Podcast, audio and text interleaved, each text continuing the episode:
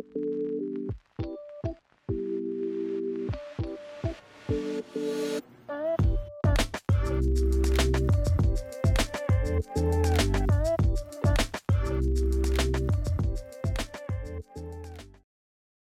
aja nih, Van, selama ini di rumah nih?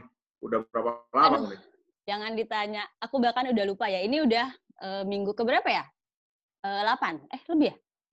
Minggu Kalau ya? saya, uh, I think work from home udah, this is week 10. 10 minggu ya? 10. Ya. For me is week 10. Ya. ya sama lah, kurang lebih kan sama kan? Officially dari 16 Maret kemarin ya, jadi udah 10 minggu lah. Uh, oh, pada saat uh, kamu mulai uh, work from home, aku masih colongan cabut, masih bisa tuh, ya. masih bisa. Beda berapa uh, hari lah. Beda berapa hari. Ya. Itu juga kerjanya deket rumah. Tapi ya. ini ini sharing ya. Kalau waktu itu pas pada saat udah mulai uh, work from home, kan kalau aku masih bisa uh, colongan kerja keluar tuh. Tapi di lokasi itu pun juga tetap kita tuh jaga jarak tuh sama yang lainnya. Cuma mungkin nggak separno sekarang. Jadi masih ya nggak bercanda terlalu dekat, nggak apa nggak apa gitu. Kalau sekarang kan kayaknya papasan sama orang aja takut ya, kayak aduh, gitu. ya. takut sendiri. Benar sih, jadi uh, dan pastinya kalau kita ngelihat dari uh, berita yang kemarin ini baru dibilang kan juga PSBB bakal hmm. di-extend ya di Jakarta paling iya, sedikit sampai 4 Juni. Aduh, Artinya paling sedikit banget. tuh pasti minimal 12 minggu nih berarti nih kita work. Nah, mungkin uh, hari ini kita bisa sharing-sharing sedikit ya. Uh, sebenarnya ini kalau kayak situasi kayak gini tuh sebenarnya seberapa parah sih, terus uh, mungkin gimana supaya kita tuh tipsnya supaya kita bisa survive, uh, apa sih yang sebenarnya terjadi dan segala macam. Mungkin kita bisa cerita-cerita sedikit ya mungkin hari ini gitu ya. Mm-hmm. Tapi sebelum cerita, aku mau tanya dulu, kamu ini udah minggu ke-10, terus di rumah ngapain aja selain uh, meeting yang sehari kamu bisa berapa kali meetingnya? Padat ya. Lebih enak kerja langsung atau work from home? Kemarin itu saya meeting ada 11. And then the worst day kalau hmm. so kemarin itu dari from 9 o'clock until 10 p.m. actually. Uh, oh, berarti lebih lama dari hari kerja biasa. Eh, jam kerja di hari biasa ya? Correct. Itu salah satu berarti juga WFH lebih capek. Hmm, in a way yes, in a way yes, lebih draining. Uh, terus ya kalau yang paling parah-parahnya itu pernah sampai 16 meeting ya uh, in a day. Benar-benar back to back ya setengah jam satu jam terus ganti langsung back to back gitu ya nonstop. Hmm. Tapi ya selain meetings ya I'm basically still working gitu kan. Jadi benar-benar tetap kerja, tetap uh, balasin email, uh, koordinasi sama tim, uh, check-ins and all that lah. Basically tetap sama sih. Bahkan nah, terus uh, yang memang, dari cuma mungkin lebih sulit kadang-kadang ya uh, dalam beberapa hal lah. Apa tuh? Maksudnya sulitnya apa? Ya Misalnya. jadi uh, kalau dari sisi personal mungkin uh, falls in the boundary of personal life and your work, right? Jadi uh, ya biasanya kan kalau orang udah pulang ke rumah ya udah this is my personal boundary life gitu. Tapi mm-hmm. saat ini kadang-kadang orang bisa terpleset antara boundary tadi dan dia lupa apakah sekarang tuh sebenarnya dia lagi kerja atau dia lagi di rumah atau apa karena nggak berubah nggak ada situasi yeah. yang iya. berubah uh, mungkin dia di atas pakai dasi tapi di bawah pakai celana pendek gitu. Which is what people call the new norm gitu ya. Terus Atau mungkin di bawah sembari kupas bawang kan? gitu. Ini yang terjadi sama kamu sekarang. Atau oh, ya, rapi bener. bawahnya? Emang, I'm wearing shorts. I'm wearing shorts. Uh, kadang-kadang misalnya lagi meeting dia nggak nyalain videonya ternyata di bawah dia lagi kupas bawang disuruh sama istrinya. I mean such thing happen right? So begitu ditanya baru gelagapan gitu suruh jawab gitu kan. apa tadi gue nggak denger. ya makanya jadi itu mungkin yang uh, ya bisa dibilang itu is a new norms ya, maybe ya. Mm-hmm. Part of the new norms lah mungkin. Tapi kalau sekarang kan kita minggu ke-10 kayaknya udah mulai agak terbiasa ya. Kalau pas awal-awal mungkin uh, ya seminggu dua minggu pertama kamu uh, gimana nih ngerasainnya? Berat sih, makanya kan uh, memang semua itu begitu ada satu perubahan selalu uh, biasanya orang sangat sulit untuk bisa beradaptasi di awal gitu. Hmm. Karena perubahan itu selalu sangat drastis kan. Kalau kayak kita biasanya sangat sangat aktif keluar sini sana, tahu-tahu suddenly you just have to stay at home gitu. Hashtag di rumah saja, hashtag stay home gitu. Benar. Like, why is like this gitu kan? Kenapa jadi kayak begini? Serasa kayak libur tapi kok nggak libur kayak di penjara hmm. gitu kan? Tapi I guess uh, human being in general memang manusia yang gampang untuk beradaptasi. Jadi mm -hmm. uh, uh, perubahan itu unavoidable ya, nggak bisa di nggak bisa dipungkiri harus terjadi dan yang kita lakukan ya kita harus bisa uh, meleverage bagaimana uh, dengan perubahan ini kita bisa melihat ada sisi positif dan opportunity-nya. Gitu. Mungkin mm -hmm. saya sharingnya gitu sih. Nah, sisi positif dan opportunity-nya maksudnya kayak gimana nih? Ya, jadi contoh ya, mungkin saya lihat misalnya kasus COVID ya sekarang ya. Kalau kita melihat secara uh, kalau kita lihat ini kan sekarang sebenarnya kan considered as one of the biggest pandemic crisis yeah. in the whole uh, time gitu ya. Uh, terus bahkan sudah mulai mungkin shifting menjadi economic crisis Mm-hmm. Tapi kalau kita berkaca ke belakang, jadi misalnya di tahun 1918 ya, pada saat itu ada yang namanya Spanish flu. Mm. Spanish flu itu juga kalau kita melihat angka kematian yang terjadi saat itu, itu uh, sekitar 5% dari total penduduk di dunia. Nah, kalau kita bicara sekarang, 5% dari penduduk dunia itu berapa? Itu ratusan juta orang saat ini. Gitu. Kalau kita benar-benar ngelihat dari uh, penduduk di, uh, di dunia sekarang, itu boleh dibilang kayak uh, that's like about 300 million, right? Itu ibaratnya kayak satu Indonesia. Sekarang kita Indonesia 265 juta orang, by iya. Jadi kayak satu Indonesia hilang lah. Hilang. So back then gitu kalau di equivalenin 5% tuh seakan-akan kayak satu Indonesia sekarang. Mm -hmm. Jadi itu satu. Terus kemarin 2008 juga kan kita ada uh, economic crisis, right? Jadi mm -hmm. uh, hancur-hancuran lah, Lehman Brothers semua juga pada jatuh gitu kan, yang mortgage backed securities and all that. Uh, tapi kalau kita ngelihat saat itu semua sudah terjadi pun, kalau kita melihat dari Dow Jones Index ya, atau uh, saham di US yang menunjukkan sebagai proxy untuk uh, ekonomi, itu langsung 10-15 tahun terakhir itu trajektori pertumbuhannya sangat tinggi dan cepat sekali. Nah, itu itu saya melihat secara global. Nah, di Indonesia hmm. juga uh, terus di negara kayak China yang sudah go through the pain and the crisis earlier dari kita di Wuhan gitu ya. Hmm. Kan dia udah close down terus I think after like about two months or three months they open up. Nah, itu sama tuh 12 ya. Hmm. Eh, ya, about two to ya? three months, right? Three months hmm. lah, basically three months. Nah itu kelihatan juga bahwa trajektori pertumbuhan ekonominya langsung uh, tinggi gitu di China langsung itu naik. salah satu naik uh, kurang lebih tiga minggu yang lalu saya lihat itu uh, pertumbuhan mobil bekas misalnya di di sana itu hmm.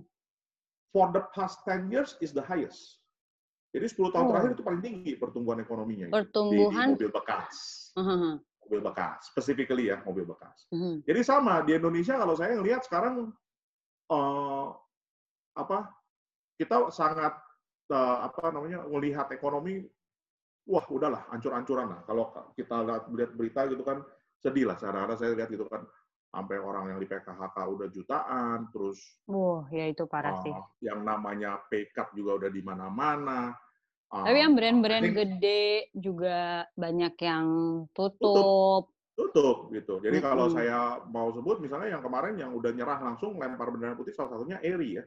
Uh, partnernya dari Traveloka, dia udah tutup. Iya, Eri Room tuh udah tutup. Tutup dan yang, Tapi emang yang, katanya yang paling eh, salah satu yang paling kena dampak itu kan pariwisata ya?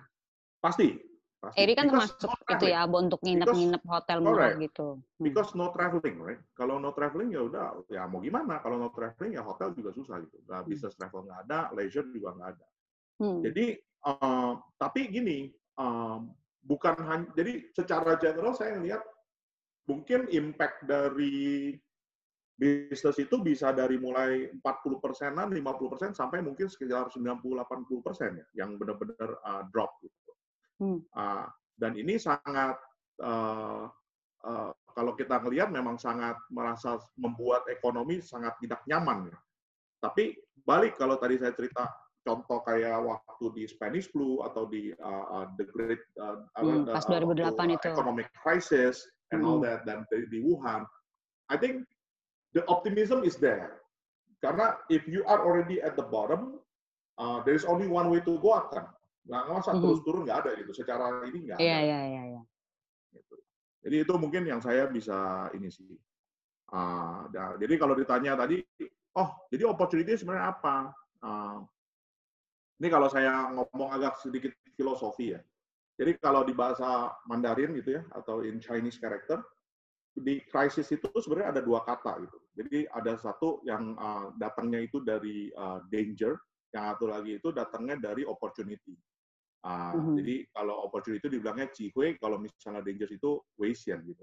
Jadi uh, itu itu bisa di Google sendiri atau nanti di Wikipedia juga ada lah ya. Tapi uh, that tells something gitu bahwa in any crisis sebetulnya whenever you have a risk and you have a danger, pasti akan ada satu opportunity yang juga bisa datang. Nah ini contohnya apa? Misalnya saya bilang, uh, jadi salah satu studi yang mungkin sudah ada itu di sharing juga, um, akan ada diprediksi 4 mega shift terjadi dari consumer behavior. Di Indonesia ya, specifically. Apa empat, empat apa shift aja? Itu? Ya, apa hmm. ya? Jadi yang pertama pastinya kayak gini, people go virtual. Oh, kayak gini nah, contohnya kita, ya. Kita sekarang kan, kita melakukan ini is really face to face, you know, in the uh, in the comfort of uh, ini ya. Tapi now we are in the comfort of our own home, gitu ya. Itu satu. Nah, yang kedua, people tend to stay home. Jadi staying home is a new trend. Kenapa? Karena tadi like what uh, yang tadi Wanda bilang gitu kan. Uh, wah kalau dulu sih mungkin, tapi sekarang malah kalau keluar rada-rada parno ya kayak gini. Iya takut apalagi kalau ketemu dia nggak pakai masker kali kok lu nggak pakai masker sih kenapa gitu dan it became a new norm kalau dulu orang pakai masker malah bilang lu kenapa pakai masker? Lu sakit. Benar sekarang udah kembali masker, lu nggak pakai masker lu kenapa lu nggak pakai masker? Lu pikir lu kebal. Kan begitu. So benar benar benar that there is a shift of the thinking right? Itu yang kedua lah. Jadi uh, uh, which which I said uh, uh, apa staying home. Nah terus yang ketiga I think uh, is going back going back to the basic needs. Ya. Hmm. Uh, apa artinya going back to the basic needs? People are more uh, uh, apa worried about their uh, staples. Jadi kebutuhan primer mereka apa? Oh ya, uh, sekarang jadi semuanya pilih-pilih apa sih lebih mengutamakan makan gitu ya? Makan. Jadi ya kalau ini kan pokoknya ya oh, daripada misalnya oh tadinya uh, mau beli mobil Starbucks. mau apa? Oh, nah, okay, deh. mobil. Pikir, nggak usah mikirin, pikir eh nggak usah mikirin itu pikirin. dia mau beli mobil, mau mikirin nah. beli Starbucks aja mikir gitu kan. Mendingan gue beli nasi nah. dulu. nah, tadinya biasa misalnya pegang kopi, uh, again misalnya lima puluh ribu gitu kan, wah hmm. ya it's okay, every day fifty thousand so what gitu kan. Tapi sekarang wah gimana nih, uh, ntar ini berapa lama nih begini, gue udah pay cut misalnya 20%, 30%, wah nggak bisa deh, daripada beli kopi 50 ribu, I might as well buy food, uh, masak di rumah. So that became a new trend, gitu kan. Itu yang ketiga. Dan yang keempat, tren yang ada itu adalah sebenarnya uh, the community atau people itu suddenly become more religious lebih lebih lebih percaya Tuhan, berserah lebih diri ya. Tuhan, Benar. lebih empatik. Jadi kalau hmm. ya, mendadak misalnya oh kasihan kita kumpulin APD uh, atau misalnya kita mau uh, uh, kumpulin makanan buat uh, kaum yang lebih nggak mampu atau mm-hmm. buat ojol atau dan lain-lain gitu. And suddenly people became very very empathic uh, mm-hmm. on the environment gitu. Donasi nah, online banyak banget gitu ya. Betul, betul. Ya, termasuk yang kamu jalanin juga gitu kan, dan termasuk yang saya jalanin lah ya. Juga. Nah, ya, jadi uh, dan dari dari dari situ sebenarnya kan sangat terlihat tuh langsung ada beberapa opportunity. Misalnya contohnya kayak sekarang aplikasi yang dipakai untuk melakukan virtual meeting itu suddenly Zoom itu kan Zoom langsung meleduk. 3 yeah. juta orang mendownload dan memakai. Dan itu benar-benar nggak nyangka banget sih, ya nggak sih? Kayak dulu tuh nggak terlalu terkenal kan? Betul. Terus Betul. pas ini langsung tiba-tiba, oh tiba-tiba uh, kayak mendadak lah. Sekarang jadi house brand, jadi house brand kan. Dan ayo kita meetingnya disebut gitu mereknya uh. gitu kan, kayak. Oh iya, oh pernah dong. Waktu uh, apa di TV lagi live itu terus salah satu uh, pasan ngomong. Iya, dia tuh ngomong, udah ntar, ntar kita meeting di, di Zoom gitu-gitu. Nah, itu ya, live. Nggak boleh, itu sebetulnya kan itu brand. Jadi sekarang jadi seakan-akan kayak bukan brand, kayak seakan-akan virtual meeting is actually Zoom gitu, atau apa, hmm. atau Hangout, whatever. by the way saya nggak endorse anak any brand here ya. So, oh, iya. nah, jadi, tapi, tapi but that's that's the point, right? Jadi itu sampai kayak gitu. Itu satu misalnya opportunity. Kedua, misalnya apalagi uh, mungkin suddenly sekarang orang merasa, oh dapur gua kok kayaknya kekecilan nih. Uh, gua beli segala apa mulai beli. Uh, bisnis e-commerce langsung mulai naik. Kenapa? Karena orang tadinya kalau belanja ke supermarket, groceries, uh, ke toko, sekarang nggak pernah ke toko e-commerce. Uh, terus apalagi oh, belanja online food. sekarang langsung ini uh, melonjak ya. Iya, frozen food. Online. Frozen food apalagi. wah luar biasa. Bumbu biasa. dapur. Wah, Kenapa frozen food saya... itu uh, melonjak? Karena orang-orang pengennya belanja jarang-jarang kayak sekali belanja terus udah disimpan aja. Oh. Gitu kan. Stay home because of the uh -huh. shift yang tadi. Mereka uh -huh. orang maunya stay home gitu kan jadi ini. Banyak. Uh -huh misalnya kalau dulu TV orang jarang nonton, suddenly sekarang TV banyak lagi yang nonton, nontonin drakor dan segala macam. So all those saya dong. Ya, salah satu yang tadinya nggak nonton. Mulai. Drakor. Ya kadang-kadang nggak boleh nyebut lah, tapi itu ada di TV lah sekarang tujuh lima belas. Eh tapi bener, jadi hal-hal yang tadinya uh, kayak itu uh, ini drakor ya. Dulu tuh gue kayak di nonton drakor hebat pakai nangis nangis loh gitu gitu kan pakai emosi terus dibikin banyak meme di uh, sosmed di Instagram gitu terus begitu kayak gini gue ngapain lagi ya udah bikin ini udah bikin itu udah sampai belajar masak udah sampai ini. Terus tiba-tiba ini kayaknya drakor yang ini oke nih. Itu tuh sampai download ya salah satu aplikasi buat nonton drakor itu.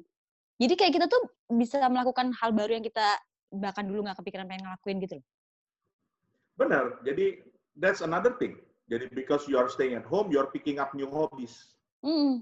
Nah, jadi you want to stay productive, you pick up new hobbies. Jadi kadang-kadang misalnya kayak alat olahraga suddenly banyak yang beli karena dia mulai berpikir bahwa oh sekarang gue di rumah udah nggak uh, gym lagi. Exactly gitu kan. Nah, jadi salah satu mungkin kalau bicara opportunity juga sempat lihat perusahaan startup kalau tadi jualan uh, uh, apa uh, alat-alat olahraga secara offline dan hmm. suddenly karena ada begini, dia jualan kelas kelas olahraga. Oh, maksudnya ikutan kelas, kelas untuk online kelas. kelas. Jadi gitu? orang misalnya mau nonton mau latihan yoga apa gitu-gitu pakai alat dia terus nonton gitu, dia jualan kelas online-nya gitu. Oh iya iya iya, aku juga ditawarin. Exactly. Yang tadinya pada kita datang ke studio mereka terus mereka tuh jadi pada ngewain gitu, kak ini ada kita ada kelas online uh, harganya segini, nanti ikutan nanti pakai uh, apa pakai kayak gini juga meeting meeting ya. gini benar jadi kembali kalau tadi ditanya uh, apa sih opportunity-nya apa segala macam luar biasa. Jadi come back to that principle kalau crisis whenever there is a crisis there is the opportunity and there is a danger. Of course there is a risk. Kuncinya apa? Kuncinya kita uh, sebagai individual atau sebagai korporat atau sebagai country or anything whatever uh, kita harus agile. Jadi kita harus bisa cepat berubah. Karena kalau saya bilang uh, uh, untuk untuk saat ini gitu orang-orang yang mungkin akhirnya nanti bisa survive itu bukan orang-orang yang pinter, hmm. uh, bukan orang-orang yang kuat, tapi orang-orang yang bisa beradaptasi dan bisa hmm. beradaptasi dengan cepat terhadap perubahan. Gitu. Benar. Kayak misalnya uh, contoh tadi aku sih uh, contoh inovasi ya. Ya. Sebelum ada COVID gitu, dulu juga ada salah satu e-commerce yang tahu-tahu dia bikin fitur tambahan untuk menerjemahkan 21 bahasa pada saat uh, ada festival uh, shopping festival gitu dua tahun ya. lalu. Maksudnya itu kan dia benar-benar mikirin gitu, gue butuh inovasi apa untuk di Betul. persaingan ini gitu. Betul apalagi karena, sekarang lagi kondisi kayak gini kan orang tuh benar-benar muter otak banget sih betul. Karena kan jadi uh, satu memang konsumen itu semakin lama sudah semakin pintar. Kenapa? Karena konsumen itu sudah sangat dimanjakan. Jadi uh, kalau zaman dulu TV cuma satu channel TVRI hmm. uh, orang berpuluh-puluh tahun nonton TV satu channel kalau mau pindahin channel aja mesti pencet di depan kalau usah pakai remote itu kan uh, happy-happy aja gitu. Tapi sekarang TV sudah ada ratusan channel, ribuan channel aja masih banyak orang yang mungkin di rumah nggak punya TV. Nontonnya nonton langsung online, streaming, gitu kan. Mm-hmm. Nah, Artinya apa tuh? Artinya konsumen kita itu semakin lama sebetulnya semakin demanding. Uh, semuanya maunya instan. Dibilangnya kalau bahasa anak sekarang ya dibilangnya generasi micin ya. Mm -mm. Instan. Gitu. Apa-apa mau cepat, benar. Betul. Adanya dengan COVID ini sebetulnya uh, proses menginstankan tadi, memicinkan tadi dan uh, ini dipercepat diakselerasi gitu kan. Jadi kalau tadinya orang yang nggak mau tahu dan nggak pernah pengen coba uh, pakai misalnya aplikasi untuk melakukan virtual meetings, hmm. now you don't have a choice. If jadi you want to you, you, you, you, you better, benar, you better learn, you better hmm. download, you better learn, and you better use. You you don't have a choice. Uh, or if you don't do that, you will. Kayak saya dong pak. Ya. maksud ini. Kayak saya dong pak, ya kan bingung Benar. gimana makainya ini kan. Jadi ya itu sih. Jadi kalau saya ngelihat benar-benar uh, memang pada dasarnya the world has changed, right? Jadi kalau kita cerita misalnya dari zaman industri 1.0 sampai ke industri 4.0 tuh ya. Uh, dari mulai orang yang tadinya kerjanya cuma mengumpulkan, terus dia mulai bercocok tanam gitu ya, mengumpulkan sampai uh, akhirnya mulai ada manufacturing, Terus akhirnya mulai ada uh, proses di mana ada internet karena antara data dan analog itu bisa bertemu. Uh, di mana yang kita bilang sekarang, oh bahasa kerennya itu industri 4.0, ada yang hmm. bilang apa? Banyak lah, misalnya term-termnya misalnya apa? Internet of Things, data analytics, uh, uh, apa artificial intelligence dan lain-lain. Uh, proses itu sekarang semua dipercepat Hmm. Mau nggak mau gitu dipercepat. Tadinya mungkin orang banyak yang krisis segala macam dipercepat gitu. Uh, uh, ya, yeah, I mean, maybe that's what we call the new norms.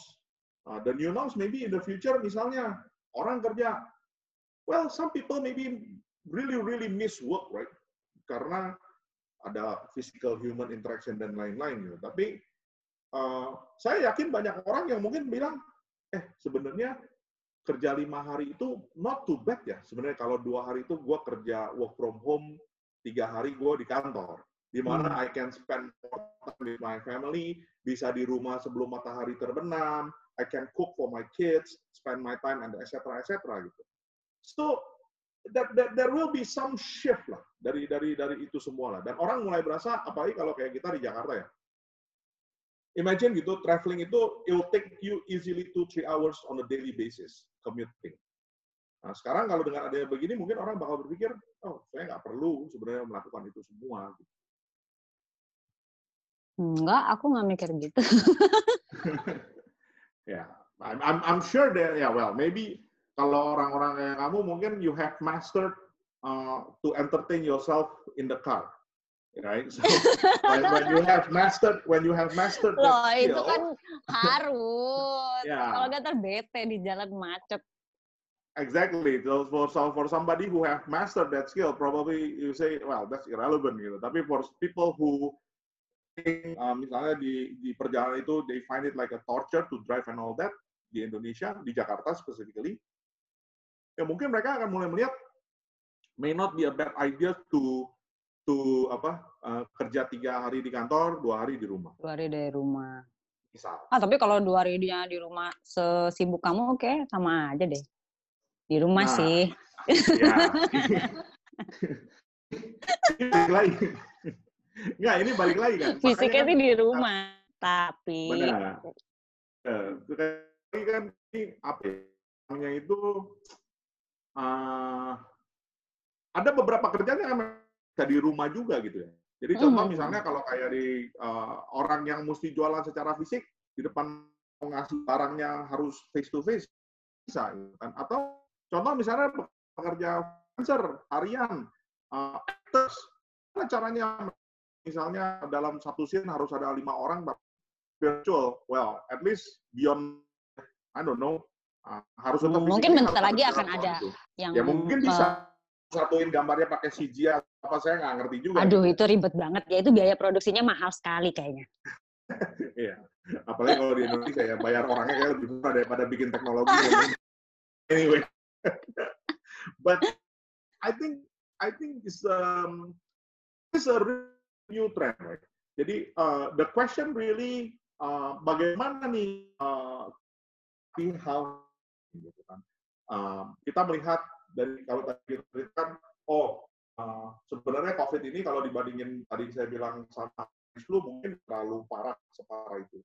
Kalau saya bandingin lagi misalnya sama orang yang kena demam berdarah di Indonesia secara angka, sebetulnya meninggal karena lebih sedikit dari orang yang kena. Kalau oh, saya iya. dan orang yang kena demam berdarah itu kalau saya nggak ingat angkanya sekitar 100 ribu, 100 ribu lah uh, in a year gitu. Um,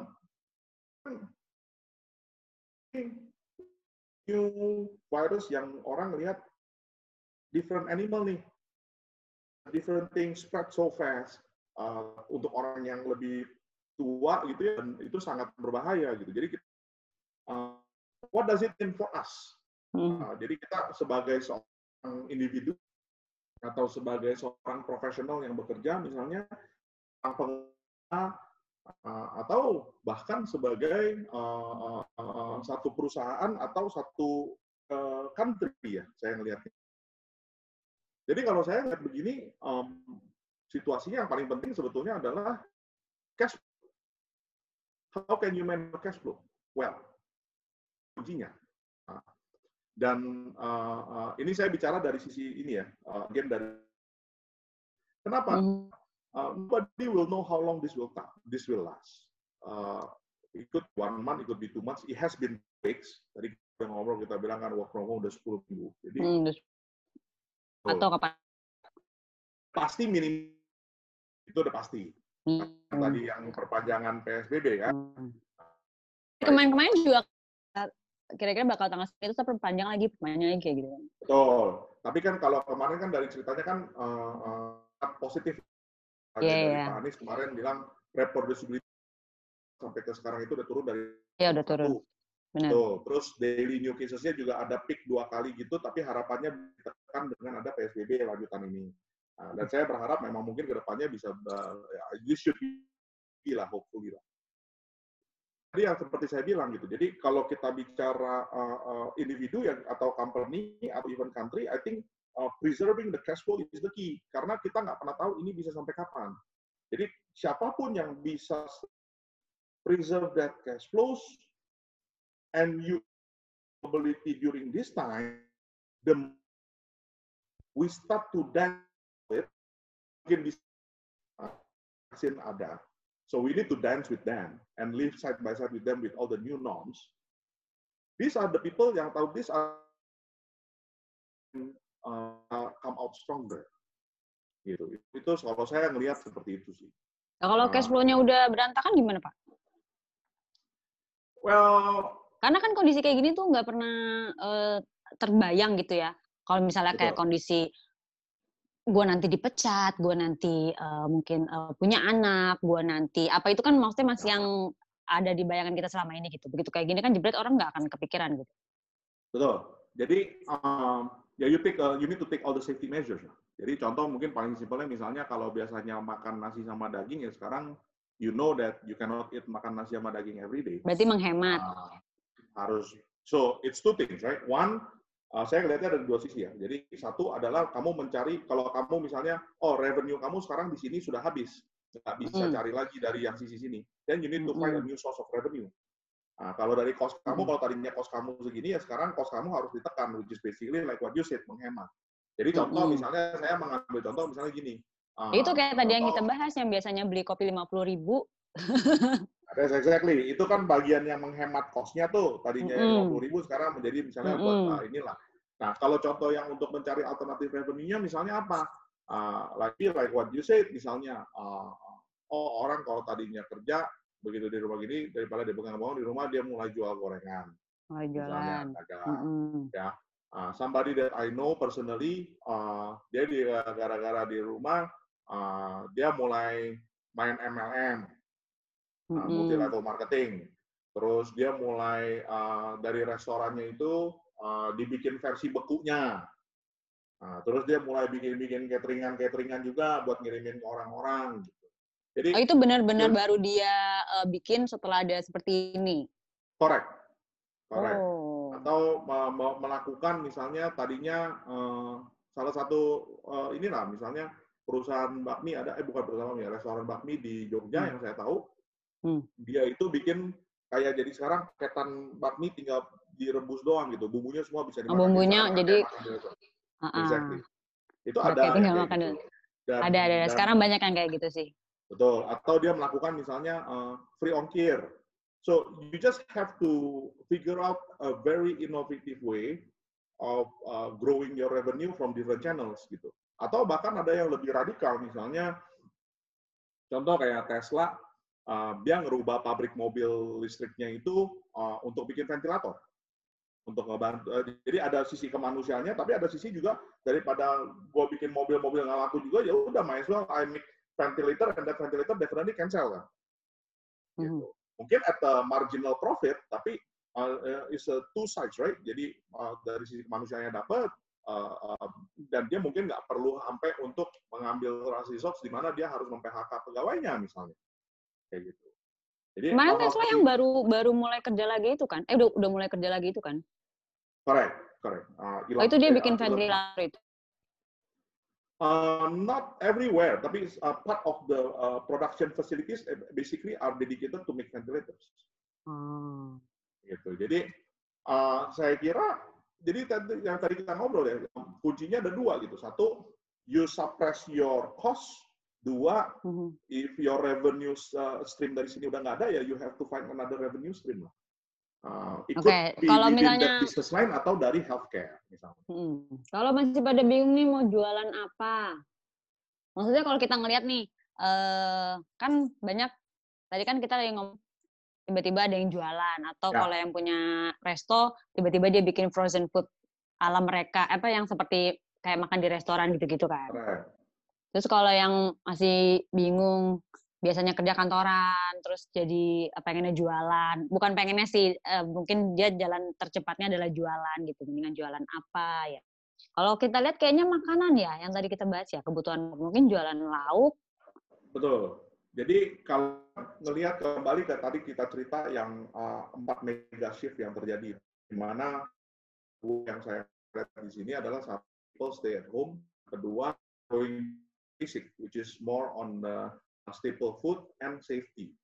Jadi mm -hmm. if you were first, it be these three things, right?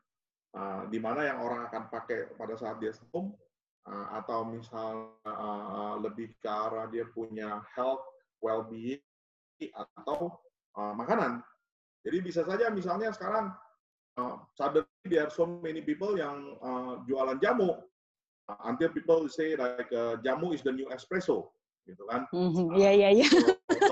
Because uh, well, I don't you consider that as makanan, but uh, it is actually more towards a supplement kan, untuk bisa improve health and Karena kan katanya harus imunitas bagus. Jadi kalau Precisely. jamu kayaknya sih masih laku ya.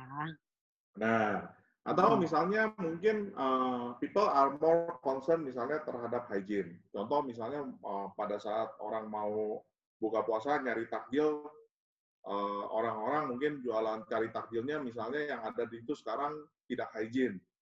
Uh, di mana orangnya mungkin jualan nggak pakai sarung tangan lah, apalagi gitu, hmm. I don't know, right? Or nggak pakai masker hmm. dan lain-lain. Hmm. So if you can somehow build uh, uh, takjil yang bisa di package dengan hygiene yang sangat tinggi dan orang itu tahu dengan harga yang kompetitif, bisa dijual misalnya. So I mean again there are many things that potentially you could do. Tapi guiding principle-nya kalau dari saya melihatnya adalah tiga hal tadi. Uh, something that people will do when they stay at home. Uh, pick up people will pick up new hobbies gitu ya. Uh, hmm. Terus uh, yang lebih bersifat uh, urusan basics dan safety atau health gitu. Jadi kayak tadi kita cerita juga kan alat olahraga ya bisa saja orang banyak yang mau juga gitu. Kayak kemarin teman saya cerita dia baru ngorder uh, squat rack uh, buatan lokal. Kenapa? Karena dia mau beli dari luar negeri nggak bisa masuk. Terus dia oh, pengen ya. olahraga di rumah akhirnya ya udah dia pesan dari uh, squat rack buatan lokal nah, mungkin aja itu yang tukang bikin squat rack lokalnya juga bisa aja sebelumnya dia nggak pernah bikin dadakan dia ngeliat begini oh maybe I should start to make ya on that part I don't know right tapi bisa jadi begitu kan Uh, so gitu sih. Jadi semua dipaksa untuk berinovasi lah untuk bertahan hidup ya.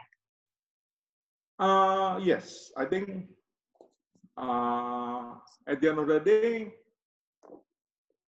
I think you you is, is, is spot on, right? Yang tadi mungkin Panda bilang bahwa orang harus berinovasi untuk bisa survive. Uh, that's not only during pandemic, but I think in general, in general itu memang kenyataan hidup. Mm-hmm. Uh, entah itu sebagai manusia atau itu sebagai korporat, uh, uh, you just have to continuously to innovate and disrupt to survive and mm-hmm. to success, uh, to succeed gitu ya. Um, tapi dengan adanya pandemik ini, I think the keyword that you use di sana adalah dipaksa. You must do this, right? Itu itu keywordnya dipaksanya gitu. Jadi uh, dipercepat, dipaksa, because if you don't, you cannot survive. Uh, dan kalau kita bicara, uh, uh, kalau kita mau bicara tentang inovasi dan segala macam lagi, itu ceritanya udah panjang lagi tuh. Uh, kita bisa ngomong kayak misalnya zaman dulu uh, VHS sama uh, Betamax uh, Laserdisc, uh, CD, until now MP3 sampai sekarang kayak udah berubah lah gitu kan. Zaman dulu punya Walkman atau Discman itu udah kayak keren banget gitu. Sekarang where where do they go gitu. Ya. Hmm. Terus uh, misalnya dulu Kodak uh, sampai dia chapter 11 ya, declare bankruptcy. Kenapa? Karena pada saat orang-orang sudah bilang, look, it's already digital camera, tapi dia malah menginvest untuk uh, uh, R&D di uh, itu di HG ya, di raksa untuk bisa bagaimana misalnya fotonya bisa lebih mengkilap, lebih cepat dicucinya dan lain-lain gitu masih dalam bentuk kertas padahal uh, people already shifting gitu. Terus zaman dulu misalnya mesin tik yang namanya Brothers itu terkenal sekali gitu kan. Semua orang kalau punya mesin tik pasti mereknya Brothers gitu. But where is it now? Kamu cari di tukang loa yang no. di mana juga susah. Aku enggak. I know, most people kalau mau nyari Aku itu susah. punya mesin tik. Itu ya nggak ngerasain. Oke, jadi kesimpulannya apa nih untuk para pendengar kita? Uh, jadi kalau kita ngelihat dari yang mungkin saya udah kita sama-sama ngobrolin dari tadi ya gitu ya. I think yeah. satu uh, kalau saya bilang buat teman-teman sekarang um, hmm. yang ada yang lagi di rumah dan ngelihat situasi sekarang begini, I think hmm. stay positive, right? Yeah. Stay positive. Harus Supaya pikiran uh, harus positif terus. Betul. Jadi uh, jangan uh, because the energy is very important, right? Jadi energi kita harus selalu positif dan kita bisa yeah. uh, shine that positive energy to people around gitu, at the same time. Benar. Jadi satu itu I think we need to stay positive, right? Mm -hmm. uh, because this is not the end of the world. Gitu. Itu satu. Tadi saya udah cerita lah. Uh, bahwa uh, all of uh, pinter-pinter uh, melihat opportunity yang ada sekarang. Hmm. Peluang apa ya di uh, gitu. Betul. Jadi jangan kalau ada yang PK, kena PHK atau bagaimana begitu, uh, that's not the end of the world. Hmm. Uh, ya mungkin sedih-sedih are, dulu berapa hari ya kan. That's okay. Bete that's dulu. Okay. Normal. Itu manusia. Dia di PHK seneng kayaknya itu malah nggak normal. Kecuali pesangonnya banyak. Itu tapi lagi lah. Wah, itu jangan. Amit, amit, amit, amit. Dia positif dulu. Dulu boleh, habis itu positif. Dia mikir gimana caranya besok makan sampai uh, berapa bulan ke depan sampai Betul. Dan, dan, dan, dan apa benar-benar apa yang kamu suka, yang kamu punya ilmunya di jagonya di mana, uh, dan mulailah uh, jangan malu untuk angkat telepon, hmm. ide, Google, whatever, you know, figure out, banyak ya, figure out something good the uh, uh, apa menghasilkan sesuatu. Ya, hmm. Jadi you to be productive, uh, to be gitu. Itu mungkin yang kedua ya, yang saya bilang. Yeah. I think uh, we all need to learn to adapt, uh, mm-hmm. dan uh, and we need to adapt cepat uh, dalam adaptasi mm. kita gitu. Nggak bisa uh, leye-leye dulu begitu kelamaan hmm. work from home, tim rebahan, bla bla bla. Mm. Uh, I know that you are working from home, rebahan and all that, but your your mind and your spirit has to be ready anytime begitu ini langsung bisa terbang. I think that's yeah. the spirit yang harus ada. Itu harus ada dan uh, uh, uh, harus bisa beradaptasi dengan semua new norms yang terjadi, kita harus bisa beradaptasi. Dan tentunya yang terakhir, uh, stay home, uh, really stay home. I think uh, by staying home, you really a lot of people. Uh, mm-hmm. Dan membantu yourself, kita juga tentunya. Betul, not only yourself, Bantu diri sendiri. a lot of people. Uh, mm-hmm. Karena uh, I think pandemic crisis seperti saat ini itu tidak bisa oleh satu orang. Uh, jadi bersama kita gotong royong yang salah satu uh, uh, apa namanya orang Indonesia punya ini ya uh, gotong royong untuk hmm. bisa melawan dan mengangkut ini. Jadi stay Betul. home, safe, healthy. Uh, semoga kita bisa kembali ke the new norms. Amin. Jadi mungkin kurang lebih begitu aja. Ya, oke. Okay. Kalau gitu, itu tadi berdua episode satu kali ini di J Talks. Nanti kita bahas apa lagi ya episode dua?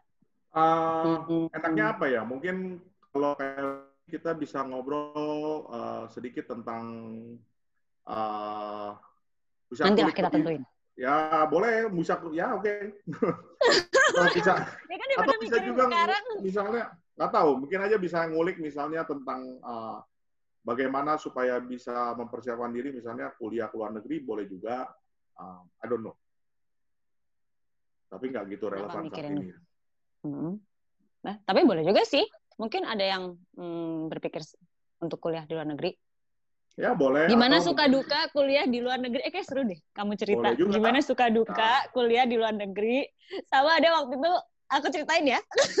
ya, ya, ya.